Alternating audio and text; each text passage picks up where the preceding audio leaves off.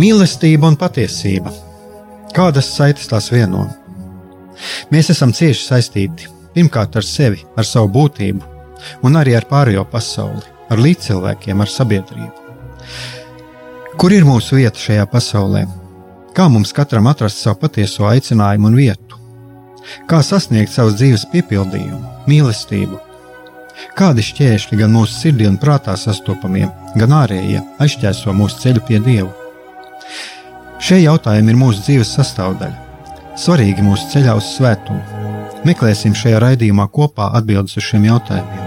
Ieklausīsimies, ko Dievs mums vēlas pateikt ar visu, ko sastopam savā dzīvē.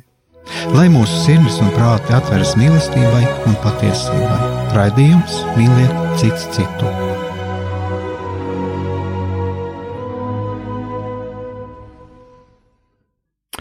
Lai top slavēts Jēzus Kristus, esiet sveicināti, darbie radio klausītāji. Šis ir raidījums Mīliet cits citu. Studijā atkal esmu es, Aigars Brikmanis, un mēs esam atkal kopā ar Jānu Jakobsonu. Un, uh, es vismaz ceru tā, ka mums sanāks varbūt mazliet izveidot tādu kā mm, sarunu ciklu par vienu tematu.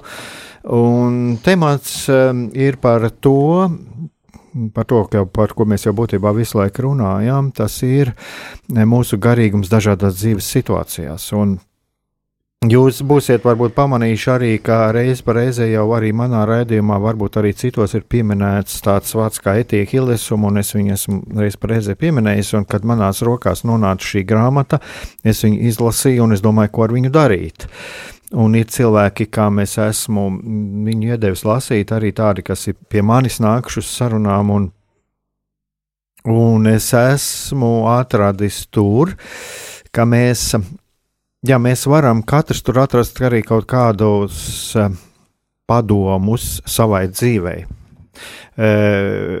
Jā, varbūt tā varam nosaukt par padomiem, vai, vai vismaz mums radās kaut kādas iekšējās refleksijas, kā mums rīkoties attiecīgās situācijās.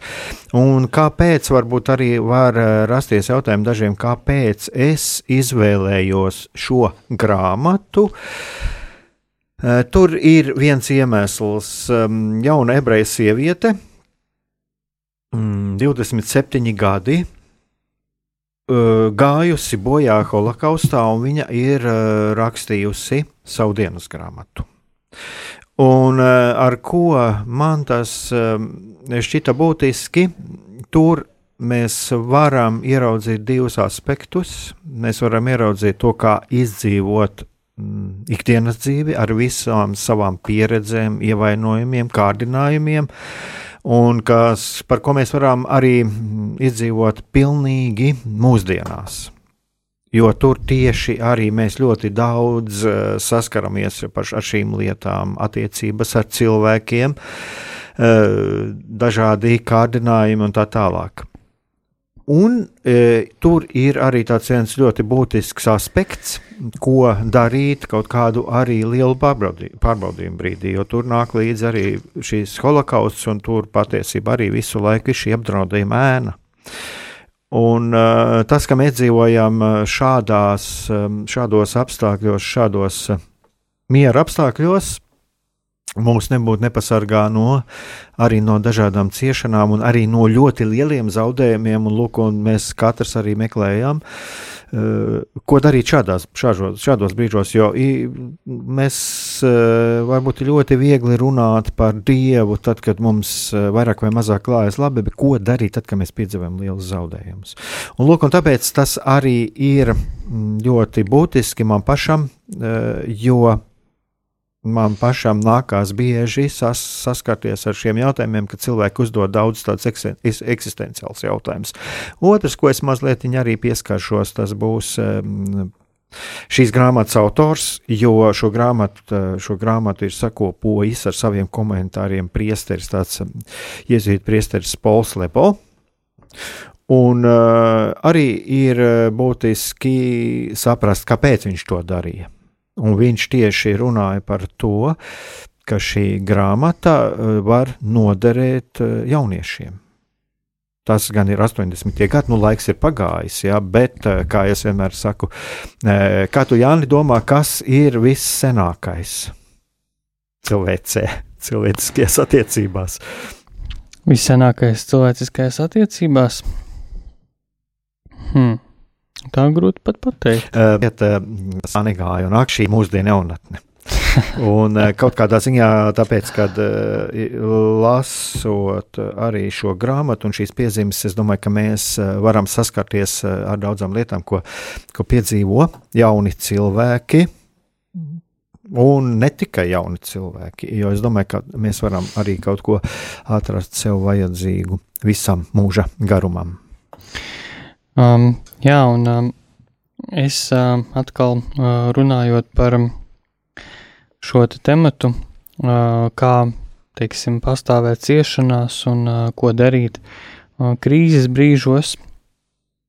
Es no tāda psiholoģiskā skatu punkta pirmais, ko vēlos minēt, ir tas, ka tad, kad mūsu dzīvē notiek kaut kāds akūts notikums, kaut kāda nelaime, slikts atgadījums, smaga neveiksme, mūsos notiek kaut kāda reakcija. Un bieži vien šī reakcija, viņa, protams, ir dabiska, un skaidrs, ka šī reakcija ir bailes, ir uztraukums un ir panika. Un tajos brīžos, kad mūsu dzīvēs notiek kaut kas negaidīts, kaut kas nepatīkams, aktivizējas visi mūsu iekšējie spēki. Gan mūsu uh, garīgie, gan mūsu psiholoģiski, emocionāli un fiziski. Pieņemsim, ka cilvēks redz blakus kaut kādu nelaimi, viņam notiekam, teiksim, māja deg un viņam ir jāizglāb sevi vai kādu tuvāko, jā, tad mūsos ieslēdzas šis te tāds izdzīvošanas instinkts, un viņš paredz divas funkcijas. Vai nu mēs bēgam no briesmām, vai nu mēs ejam cīnīties ar briesmām. Tāpat arī uzvedās dzīvnieki dabā. Un tajos brīžos, kad mūsu dzīvēs Tā tad notiek kaut kas ļoti negaidīts, kaut kas akūts, kaut kāds uh, liels tāds pārdzīvojums. Mūsos ir, diva veida reakcija. Viena no divām. Vai nu mēs bēgam no šīs situācijas, un mūsu bēgšana izpaužās ar to, ka mēs uh, negribam sastapties ar šo faktu, kas ir noticis. Mēs varam sākt noliegt šī fakta uh, būtiskumu, Jā, ka, teiksim, pieņemsim, kādam cilvēkam nomirst radinieks vai kāds tūs cilvēks, un mēs tik ļoti esam sāpināti, ka mēs nevēlamies sastapties savā skumjās ar šo faktu, ka mēs ieņemam uh, uzreiz tādu aizsargu pozīciju, kurā mēs varam sākt um, visā, visādā veidā izvairīties, uh, runāt par šo atgadījumu, mēs varam sākt uh, kļūt uh, tādi tā kā augstī pret šo notikumu liekas, ka, nu, uh, nu, ka cilvēkam vienkārši negribās iesaistīties, nekādīgi saistīt sevi ar šo notikumu, un viņš īstenībā ie, var ieņemt tādu pozīciju, kur viņš pasaka, bez mazliet es tam neticu, tam, kas ir noticis. Mhm. Un Tas jā. būtu tāds uh, bēgšanas variants, ja? un ir atkal uzbrukuma pozīcija, pozīcija, kad mēs ejam mūsu kaut kādās bēdās, ciešanās, un mēs viņas risinām. Jā, uh, tu, es saprotu, tu šo grāmatu neesi lasījis. Un tāpēc es domāju, mums arī tā būs, būs ļoti interesanti. Varbūt, bet varbūt tu viņu arī izlasīsi. Un tieši tāpēc arī man būs interesanti, varbūt, kā arī šie psiholoģiskie aspekti, kam, par ko mēs varēsim parunāt pēc tam. Ja? Tas, par ko tu runā. Mm, šīs situācijas, es saprotu, tas ir kaut kas pēkšņs, bēgt, uzbrukt. Jā, jā. Jā. Šeit ir Mm, šeit eh, mēs varam paskatīties arī tālāk, cik daudz šeit ir šie motīvi, un arī pieskarsimies, piemēram, kāpēc eh, daudzi arī šie ebreji aizgāja bojā. Jā. Uh, lai gan viņiem uh, individuāli bija iespēja bēgt. Jā. Uh, šeit pats priesteris, pats Pols Lebo, ko rakstīja, kad Viņam ir tāda frā, tāds eh, citāts šeit no, no grāmatas, ja? Saskaroties ar nenovēršamo galīgā atrisinājuma iespējamību, eh, tie, kas ir, tagad es tā no savas puses teiktu, tie, kas ir varbūt zina par otrā pasaules kara holokausta vēsturi, bija tāds jēdziens galīgais atrisinājums. Jā, tas ir tā e, ebreju jautājuma galīgais atrisinājums, tā nacistu iznīcināšanas politika. Ja?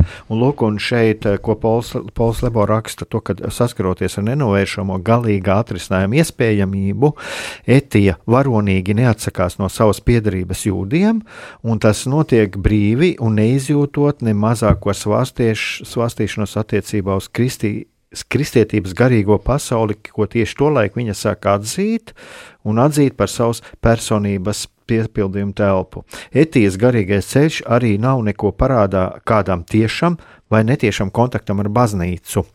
E, e, tas ir, viņš jau e, runā par to, Es domāju, mēs arī tālāk runāsim par. Viņš jau runā par to, ka viņi jau iepazīstās ar dažādiem, ar svētajiem rakstiem, ar, ar dažādu autoru darbiem, kristīgo autoru darbiem. Jā. Un pateicoties tam psihologam, kuru viņi apmeklē. Bet eh, kāpēc eh, viens no aspektiem, kāpēc man viņa ir interesanta? Un kāpēc es tieši gribu, kāpēc es izvēlējos arī šo grāmatu? Tas ir tas, ka viņa ir kaut kādā ziņā viena no mums. Kāpēc? Mēs, viņa ir viena no mums, otrs ir tas, ka viņa uh, nav saistībā ar baznīcu. Viņa ir diezgan sekulāra jauna ebreju sieviete, kura nāk no ģimenes, kurā, uh, kurā arī ir, uh, kura neievēro šīs tradīcijas. Uh, Un, eh, bet kura ir, eh, kura ir ļoti plaši atvērta, zinātnāra, aktīva. Un eh, es domāju, mēs arī piesim, centīsimies saprast arī caur šīs grāmatas fragmentiem, kā viņa atrada šo savu garīgo ceļu. Bet viņa ir interesanta tieši ar to, ka pirmkārt viņa ir, nu, kā jau es teicu, viena no mums, un tā kā es arī minēju par šiem jauniešiem, ja, ka mēs daudz ko atpazīt varam no savas personīgās pieredzes. Tas ir viens. Otrs, ja mēs eh, baznīcā mēs eh, diezgan daudz zinām par svētajiem. Nu, tagad nesen, piemēram, tas pats Karlo Akutis, Jā. jauns cilvēks, pasludināts par svētīgu, bet eh, mums jāsaprot to, ka lielākajai daļai no mums nav tā žēlastības, ka mēs varam saukt tikai par žēlastībām. Jā, viņām tā žēlastība, tā vēlēšanās evaharistiju slavēt, eh, sludināt dieva vārdu, izmantot tehnoloģijas, dieva vārdu sludināšanu un tā tālāk. Lielākajai daļai mēs eh, sevī to neatrodam. Un, uh, es kādreiz jau esmu šeit runājis, un es esmu saskarsmē ar cilvēkiem, arī to saskāries, ka cilvēks saka, nu, ko nu es, lūk, tur tas ir tāds svētais, vai baznīcā es redzu, tas dara to un to, es neesmu nekas. Un uh, tas savā ziņā bieži vien cilvēkiem, mm, cilvēks ved uh, tādā mm, bezcerības izjūtās, un viņam ir mm, viņš neredz to, kā arī šis svētais ir gājis cauri pārbaudījumiem, un viņš ir gājis kritieniem, grēkiem un tā tālāk. Viņš ir tam gājis cauri.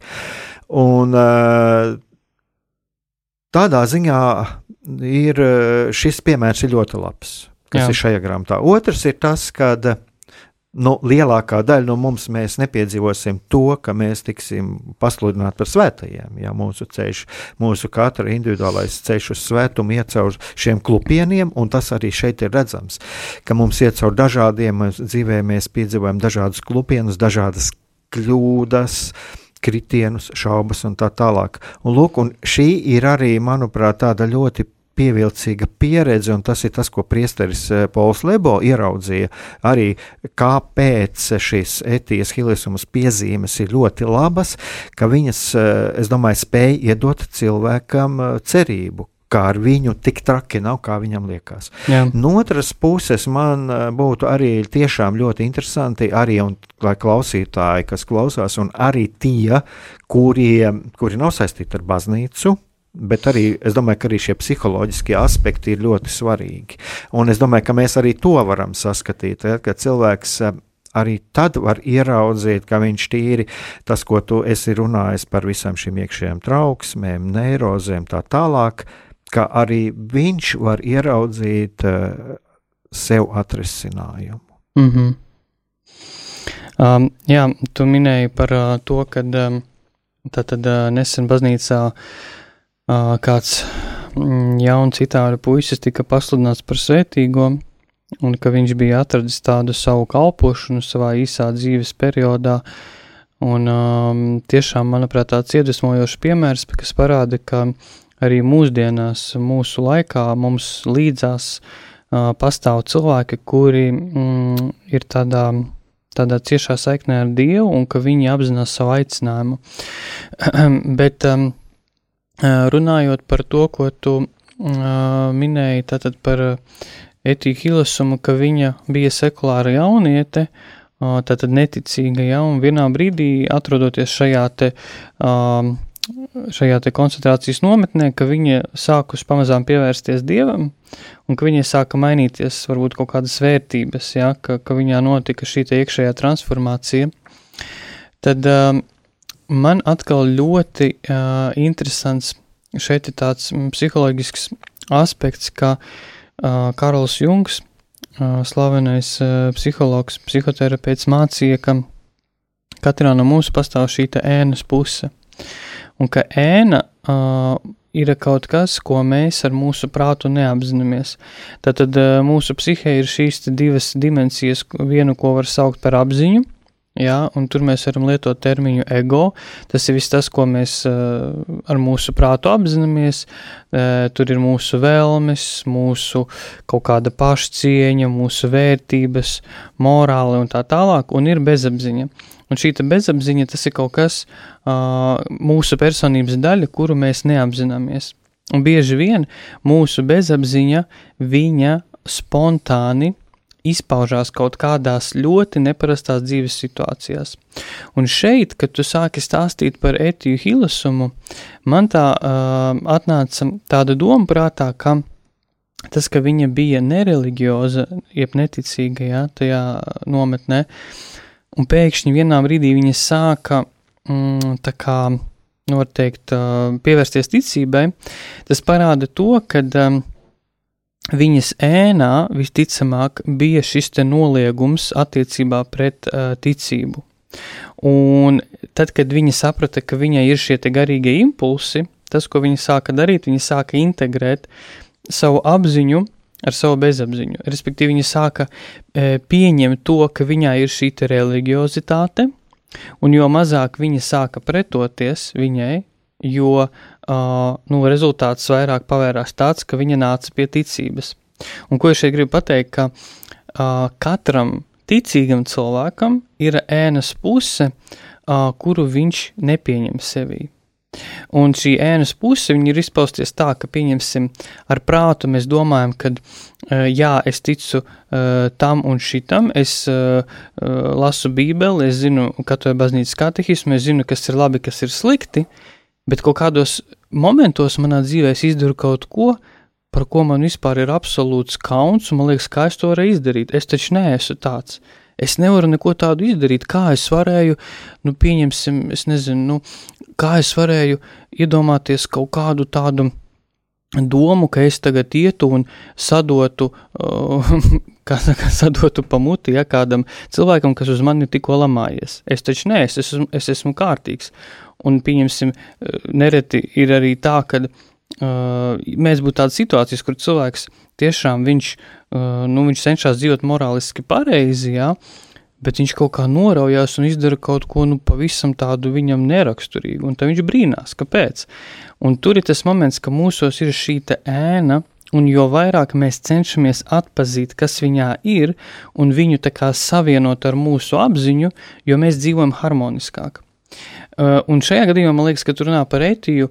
Viņa sēna sākotnējā dzīves posmā varētu būt uh, bijusi tāda, ka viņa noliedza šo garīgumu, un tad kaut kādā uh, dzīves posmā viņi sāka viņu pieņemt un integrēt. Mhm, interesanti. Es šo grāmatu esmu lasījis pirms diviem gadiem. Es tam tagad es viņu pamazām pārlasu, gatavoties redzējumam, un tad mēs varam paskatīties, vai tur tiešām ir runa par noliegumu. Un mēs arī tālāk tam pieskarsimies, bet tā ļoti interesanti bija tas, ko tu stāstīji. Un tad, kad eh, skatīsimies tālāk, eh, kā Jo būtībā viņa to caur savu psihologu pie tā visu nonāca. Un starp citu, viņa arī lasīja Jungu Jā, Jā, tā kā tas ir. Es jā. nemaz nezināju Jā, jā, tur ir svētais Augustīns, svētie raksti un tā tālāk. Jā, viņi ar, ar to visu iepazinās. Jā. Tā kā es domāju, ka šeit mums varētu tālāk ļoti interesants rezultāts iznākt. Jā. Bet es domāju, ka tagad mums ir pienācis laiks eh, paņemt kādu muzikālu pauzīti, jo nu, esam jau norunājuši Jā. jau diezgan ilgu laiku. magnificat.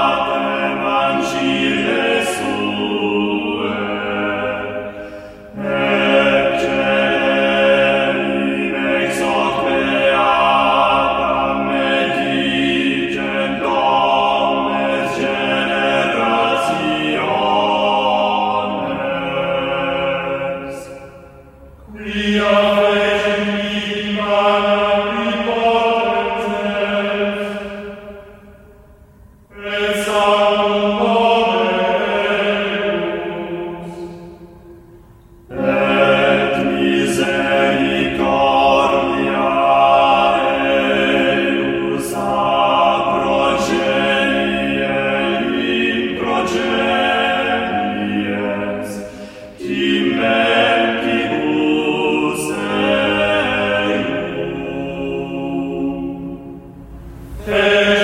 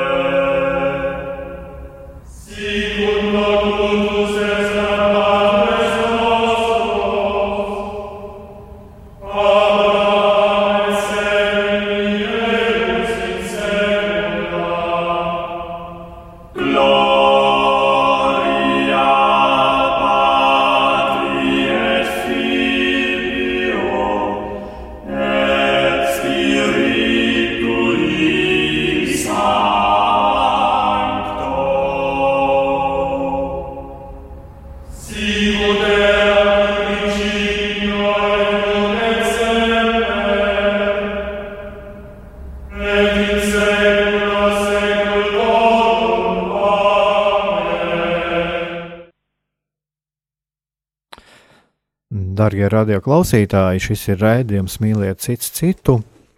Studijā joprojām esam mēs, es Aigars Brikmanis un Jānis Jakobsons. Un, un eh, Jānis Jakobsons eh, pirms muzikālās pauzes te stāstīja arī par šiem, teiksim tā, vai es tā pareizi teikšu, no mehānismiem, kas varētu novest cilvēku pie dieva atziņas. Jā. Tā lai es. Nu, lūk, un man šeit ir priekšā šī grāmata, par kuru mēs runājam par etīku Hillesumu, un ir interesanti, kā par eh, šo viņas eh, garīgajiem eh, atklājumiem, ko viņš raksta, kad viņas pagātnē šķiet neatrast neko, neko kas etiju būtu tam gatavojis. Un tas ir tā interesanti. Es vēl mazliet par viņu, ir, piemēram, ir par 24 pētījumu par etiju. Holandē ir bijuši. Un, un Jā. tā, tā kā viņai bija pievērsušies diezgan daudz Bet man vēl kas uzrunā, un kā, kāda iemesla dēļ vispār, jā, kad mm, kā Pols Lebo viņu raksturo moderna vai drīzāk postmoderna. Jā, ar šo, šo apzīmējumu saprotam brīvprātīgu distancēšanos no, no dažām modernismā par ideoloģiskām uzskatītām detaļām. Kāpēc man šī frāze ļoti uzrunāja? Tieši tas, ka šis priesteris runā par modernismu, postmodernismu, ieturot tādu ļoti veselīgu indiferenci šeit, es domāju, šeit ir šī svētā vienaldzība.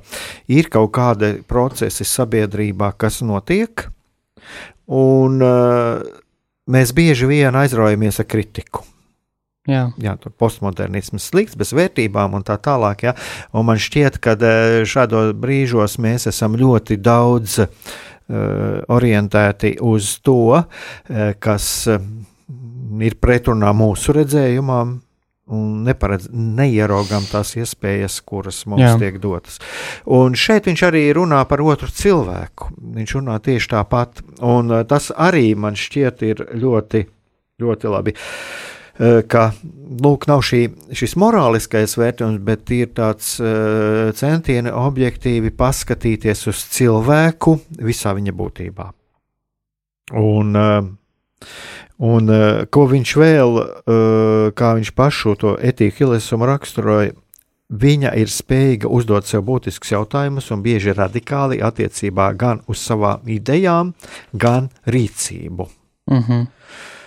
Un uh, kāds vēl kas, ko ir pats Pols Lebo raksta, un kas man arī tā ļoti uzrunā, ka viņš runā par to, mm, kā Tā ir atkal šeit ir citāds, no ko, ko, ko pats Pols Lebo raksta. Visbeidzot, par modernu un īpaši aktuālu etiju dara veids, kādā viņa saredz savas attiecības ar Dievu, kura klātbūtni pamazām atklāja savā dzīvē. Un eh, kā viņš to raksturo? Dievs, kurš pilnīgi atšķiras no tēla, ko tik bieži projicē sentimentāla reliģiozitāte vai bērnišķīga nostalģija. Un tiešām, ja būs, es domāju, arī tālāk sekos citāti, kur uh, savā ziņā mēs uh, ieraudzīsim tādu diezgan, diezgan labu garīgu briedumu.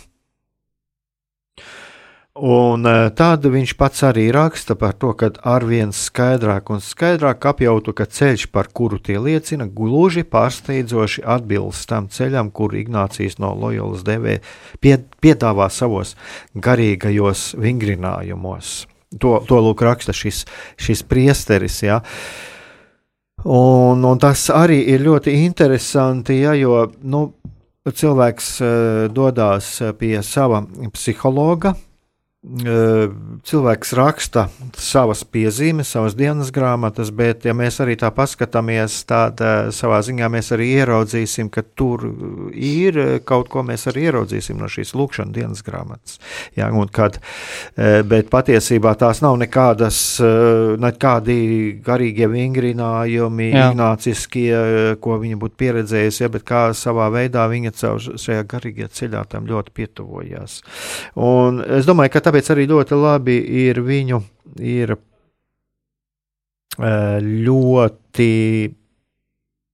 labi viņa ilustrē to, ka, ka cilvēks, būdams atvērts pret to, ko Dievs viņam piedāvā, kā viņš var iet šo garīgo ceļu. Mm -hmm. um, jā, un um, atkal es um, runājot par to pašu ēnu, ko es biju uh, stāstījis, ka um, ēna vispār, ja mums tā, es tā īsi nodefinēšu, uh, kas vispār ir ēna, ja? ēna tas ir viss tas, ko, uh, kas mūsos eksistē, kaut kādas uh, mūsu uh, tādas varbūt uh, impulsīvas, neapzinātas uh, uzvedības formas, dažkārt nepatīkamas, kuras mēs neatzīstam sevī, bet mēs uh, tās uh, ieraugam citos. Respektīvi, viss tas, kas man nepatīk citā cilvēkā, uh, tas ir manā, uh, manī pašā, un es to vienkārši neatzīstu. Pieņemsim, ja es saku, ka mans ka kaimiņš ir uh, skaudeklis, jā, uh, tas nozīmē, ka īstenībā es esmu skaudeklis, bet es to neatzīstu.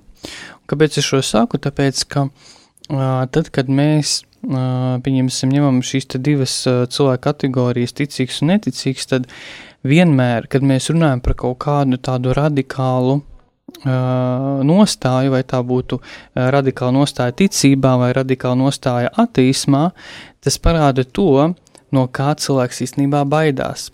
Ja cilvēks ir radikāli noskaņots uz to, ka viņš ir tik ļoti svēts, ka visi apkārtēji ir grēcinieki un visi visu dara nepareizi, un visiem ir jāseko tam, ko viņš saka, ka viņš ir uh, tur svēts eņģelis, ja, tas nozīmē, ka šis cilvēks uh, baidās atzīt sevī to, ka viņam ir ļoti spēcīgas kaut kādas mm, vājības, varbūt kaut kādas tieksmes uz kaut kādām grēcīgām lietām, kuras viņš vienkārši nevar atzīt. Jo, ja viņš atzīst, tas nozīmē, ka viņš sastapsies ar to, ka viņš ir vājš. Un ka viņš arī var būt bezspēcīgs. Un cilvēks tik ļoti var baidīties no šīs bezspēcības un neziņas savā dzīvē, ka viņš ieņem šādu pozīciju, ka viņš uh, visu zinu, ka viņš ir visspēcīgs. Ja? Un tas pats arī, tāpat mēs arī varam runāt par cilvēku, kas ir ateists, ja viņš ir karojošs ateists, tāds, kurš cīnās pret reliģiju, apsmēj ticīgus cilvēkus, um, cenšas visādiem veidiem iekaustīt ja? uh, cilvēku ar reliģiozu pārliecību. Tas nozīmē, ka viņš cīnās ar savu ēnu, un viņa ēna šajā gadījumā ir tāda, ka viņš ir reliģios. Viņam ir religiozitātes impulsi viņa dzīvē. Pieņemsim, viņš var iet gar baznīcu, ja, un kad neviens neredz, viņš var uz viņu skatīties un sāk domāt, varbūt man gribētos ieiet, paskatīties, man tur patīk tās statujas, un pēkšņi viņš var būt tādās dusmās, ka nē, kas par muļķībām es neiešu uz turienu, uz turienu iet tikai vājie kaut kādi cilvēki, ja. Un e, tā, tā kā tā doma ir, ka mūsos katrā ir ēna, un ja mēs spējam ieraudzīt un atpazīt, kas slēpjas mūsu ēnā, un nepretoties viņai, bet viņu veselīgā veidā integrēt, tad mēs varam sevi pasargāt no kaut kādiem tādiem impulsīviem, negaidītiem notikumiem mūsu dzīvē. Un, kad tu stāsti par šo sievieti, man tieši šis nāk, nāk prātā, ka uh, nu, šajā dzīves posmā, kur viņa sastopas ar grūtībām, esot šajā te, uh, koncentrācijas nometnē, ka viņa uh, nevis pretojās savai ēnai, bet viņa atsaucās šim iekšējam impulsam, uz kuru sāku, uh, pirmajā dzīves posmā uh, visticamāk viņai bija nu, kaut, kāds, kaut kāda varbūt pretestība. Ja? Nu, tas tā. pirmais dzīves posms, viņa dzīvoja sekulārā vidē. Jā. Varbūt arī tas vienkārši arī, teiksim, laika trūkuma dēļ, ja viņa studēja tiesību zinātnes un uh, mācījās gimnāzijā, kuras direktors bija viņas tēvs. Jā, jā. Bet ģimene pati, pati par sevi bija ļoti sekulāra. Viņa vienu brīdi iesaistījās arī cionisma kustībā, studenti un tā tālāk. Ja, bet arī viss vis tādas tīri sekulāras lietas. Jā. Jā. Bet eh, viņai interesēja filozofija, šādas lietas, jā, un uh, tie cilvēki, kas viņu pazina, viņu tiešām uh, raksturoja kā tādu ļoti sirsnīgu un mm -hmm. atklātu. Mm -hmm. Un visādās visādos ziņās, visādā ziņā ļoti, ļoti aktīvu sievieti. Uh, un man šķiet, tas, ko tu teici, tad, kad tu stāstīji par, par tām mēnesi pusēm, Un tad man arī nāca prātā viena frāze, par ko tu runā, par ko es esmu pasvītrojis, kas kaut kā uh, saskan ar to, ko tu, tu stāstīji. Tieši tas, ka ko es jau te e, nocitēju, ja, ka viņa ir spējīga uzdot sev būtiskus jautājumus un bieži radikāli attiecībā gan uz savām idejām, gan rīcību. Mm -hmm. Un šķiet, mēs šeit arī pamanām to, ka viņa bija uh, spējīga arī paskatīties arī uz šīm, šīm ēnas pusēm, par ko tu runāji. Jā, jā un, uh, un atkal tā ļoti interesanti, jā, mm, tu neesi lasījis šo grāmatu, ja, bet nu, kaut kā tā sajūta, ka, kad šeit mēs atradām to, to vienu vilni, vilni to vienu punktu. Un, Jā, es domāju, ka tagad mēs atkal varam, varam paņemt kādu muzikālu pauzīti.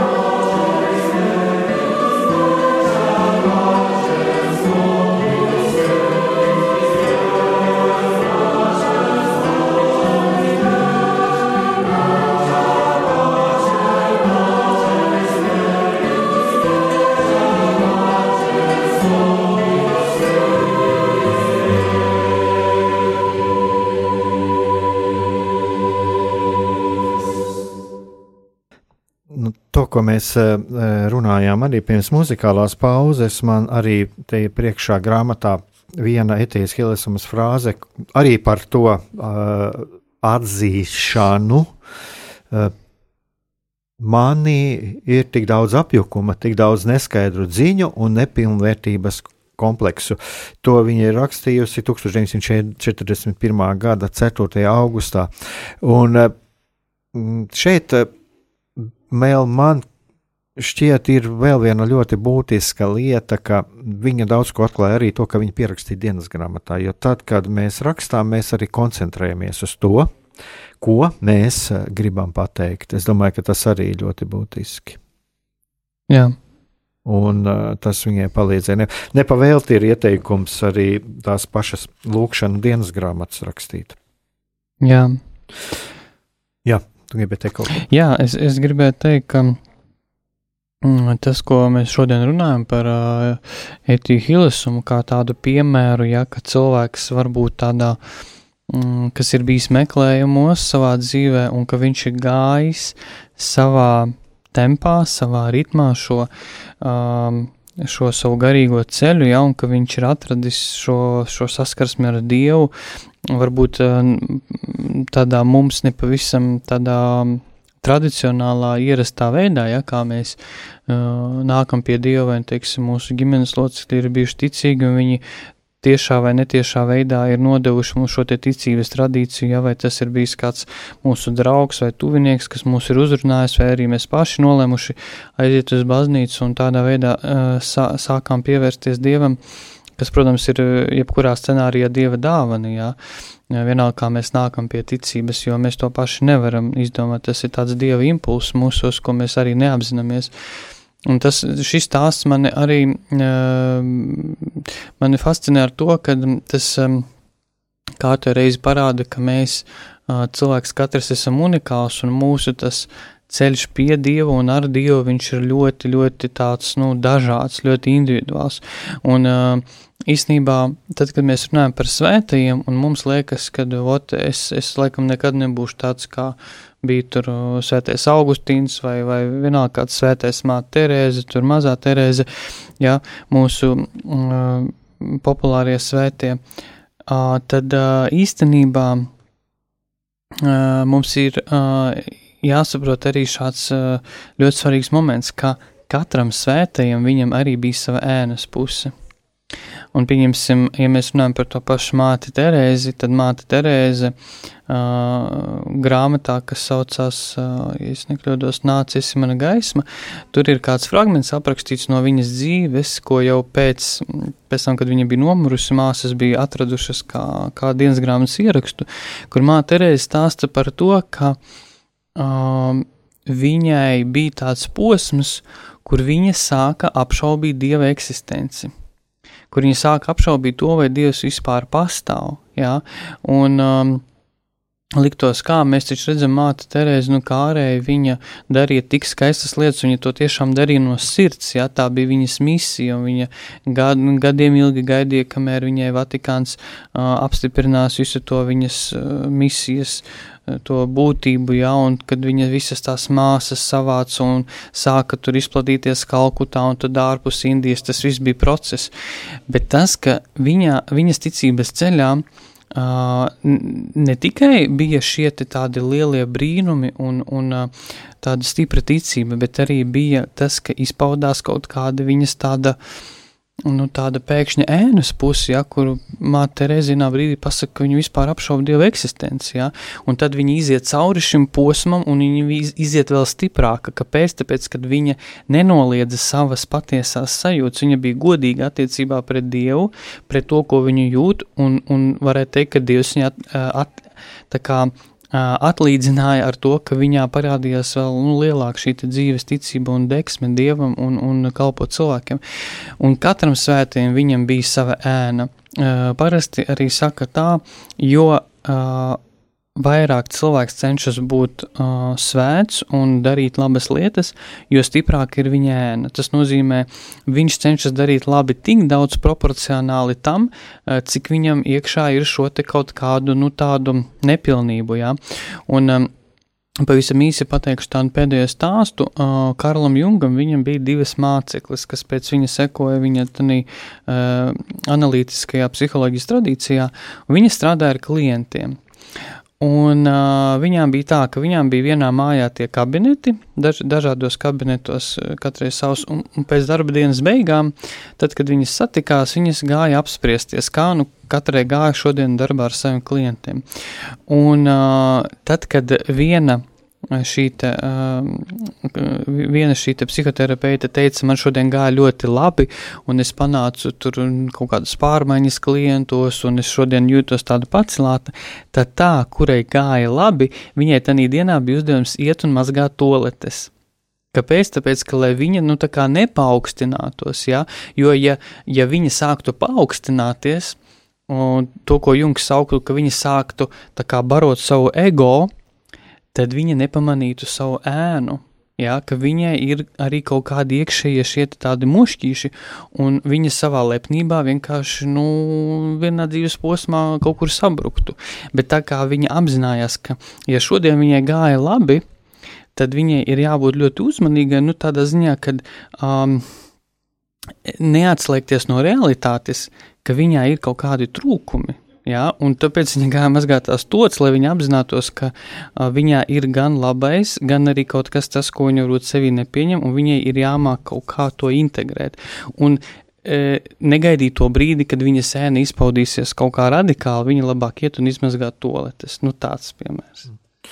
Jā, es domāju, ka šis ir ļoti, ļoti labs piemērs. Un es Mm, domāju, vēl viena tāda ļoti būtiska lieta, ko saprast, domāju, tas ir gan, gan psihologiem, gan arī tiem, kas vispār nodarbojas ar garīgo vadību. Ir eh, ļoti, tas tu vēl vienreiz to apstiprināji, cik ļoti svarīgi ir pilnībā apzināties arī sevi un, un ieklausīties arī savās iekšējās, iekšējās izjūtās, tad, kad mēs esam kontaktā ar cilvēku un apzināties arī savas stiprās un vājās puses. Jā, stiprās un vājās puses, un tas tiešām uh, nu, šī te, šī te ēnas moments, viņš parāda to, ka uh, mēs esam pirmkārt cilvēki, un mums ir šī cilvēciskā daba. Un jā, mums nāk Dieva žēlstība, kas mūs pārveido un cenšas tā kā mūs, nu, var teikt, darīt savā ziņā pār cilvēkus, ja, bet tas cilvēciskais aspekts viņš vienmēr būs, jo Uh, nu, kamēr mēs neesam apskaidroti, jā, mēs neesam piedzīvojuši pastarā dienu, kad būs apskaidrošanās, mēs dzīvojam mūsu miesā.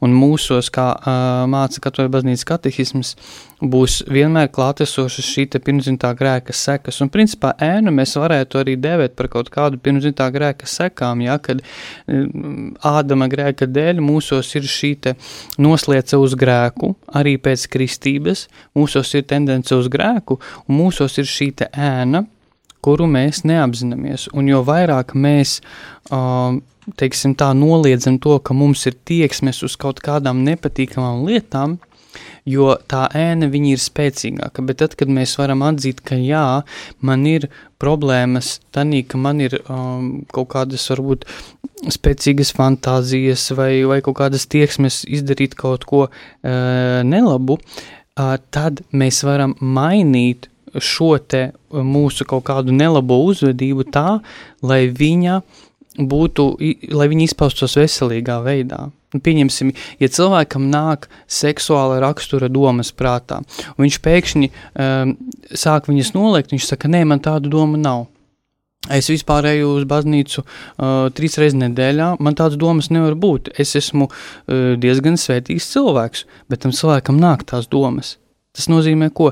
Tas nozīmē to, ka šim cilvēkam, viņam, uh, viņa, uh, teiksim tā, viņa seksualitāte grib izpausties veselīgā veidā.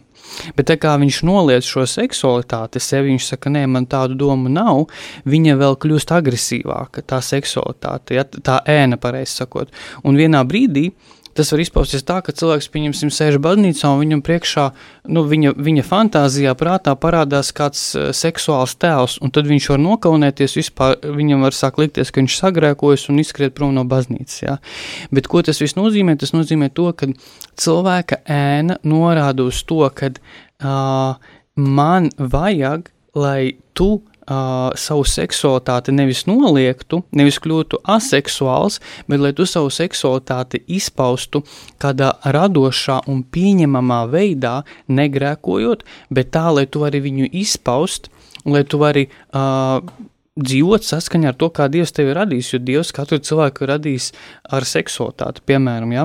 un šajā gadījumā, lai, pieņemsim, šai sievietei vai vīrieti nebūtu šīs seksuāla rakstura domas, no kurām viņš kaunās un noliec, ka tādas ir, viņš var, pieņemsim, iet uz kaut kādiem mākslas pulciņiem, viņš var iet uz kaut kādiem mākslas terapijas pulciņiem, uz kaut kādiem radošiem pulciņiem un, teiksim, taisīt kaut kādas skaistas sieviešu, vīriešu figūras, piemēram, jā, vai zīmēt dabu ar visu viņas kaut kādu skaistumu, ar vēju un brāzmām un jūru un visu to savu seksualitāti izpaust tādā, nu, tādā radošā veidā, Un tad tās seksuālās domas arī mazināsies, jo tā ēna tiks atzīta, ka jā, man ir e, šīs seksuālā rakstura domas, tāpēc, ka īstenībā e, mana seksualitāte prasa kaut kā izpausties radoši, bet es to vienkārši nu, noliedu, saku, nē, ka tā nav.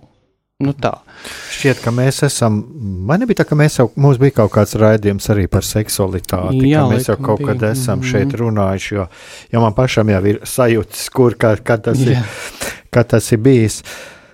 Mūsu raidījums, es skatos, jau, no, jau tuvojas noslēgumam, un, un šeit arī, es domāju, ka nākamajā raidījumā mēs arī pieskarsimies šajās, šajās seksualitā, eh, seksualitātes jautājumam, jo tieši arī šī, šajā grāmatā tas ir Aprakstīts. Par šaubām arī noteikti varam parunāt par ticības šaubām. Jā, un uh, vienkārši es domāju tā, jo es ejot cauri, mums tā sanāk, nu, Tā kā, tā kā šis priesteris Pols Lebo to ir sakārtojis.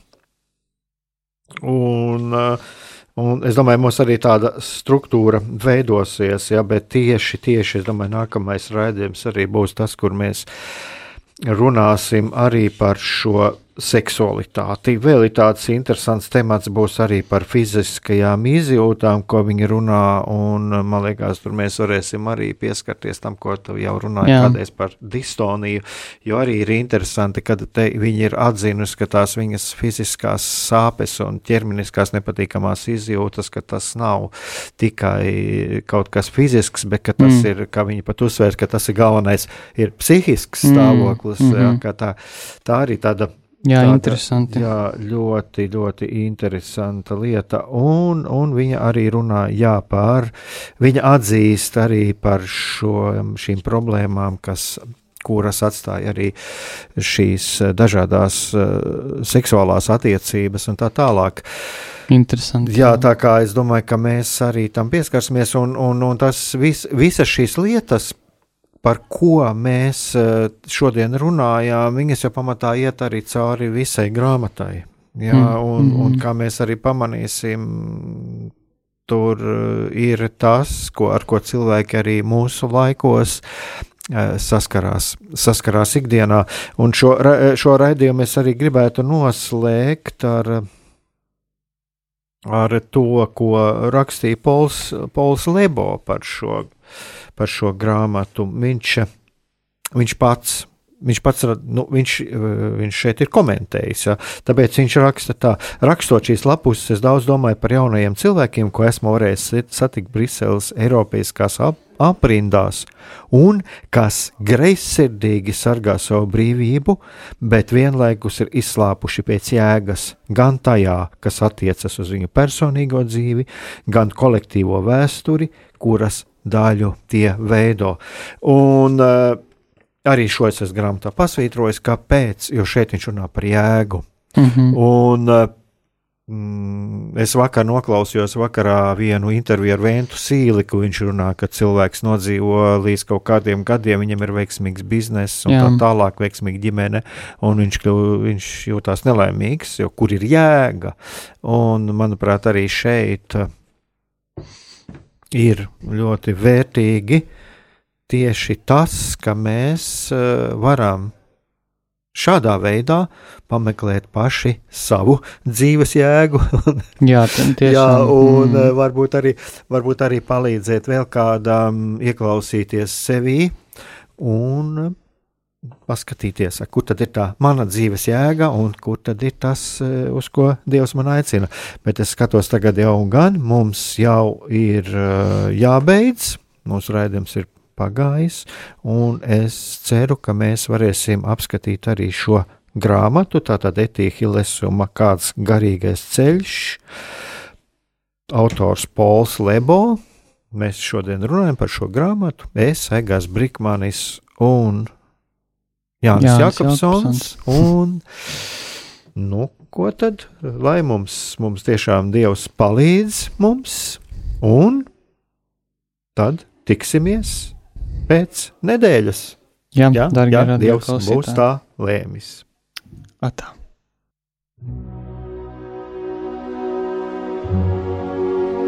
Mīlestība un patiesība. Kādas saites tās vieno? Mēs esam cieši saistīti pirmkārt ar sevi, ar savu būtību, un arī ar pārējo pasauli, ar līdzcilvēkiem, ar sabiedrību. Kur ir mūsu vieta šajā pasaulē? Kā mums katram atrast savu patieso aicinājumu un vietu? Kā sasniegt savas dzīves piepildījumu, mīlestību? Kādi šķēršļi gan mūsu sirdī un prātā sastopamie, gan ārējie aizķēso mūsu ceļu pie Dieva? Šie jautājumi ir mūsu dzīves sastāvdaļa, svarīgi mūsu ceļā uz svētumu. Meklēsim šajā raidījumā kopā atbildes uz šiem jautājumiem. Ieklausīsimies, ko Dievs mums vēlas pateikt ar visu, ko sastopam savā dzīvē. Lai mūsu sirds un prāti atveras mīlestībai un patiesībai, raidījums mīliet cits citu.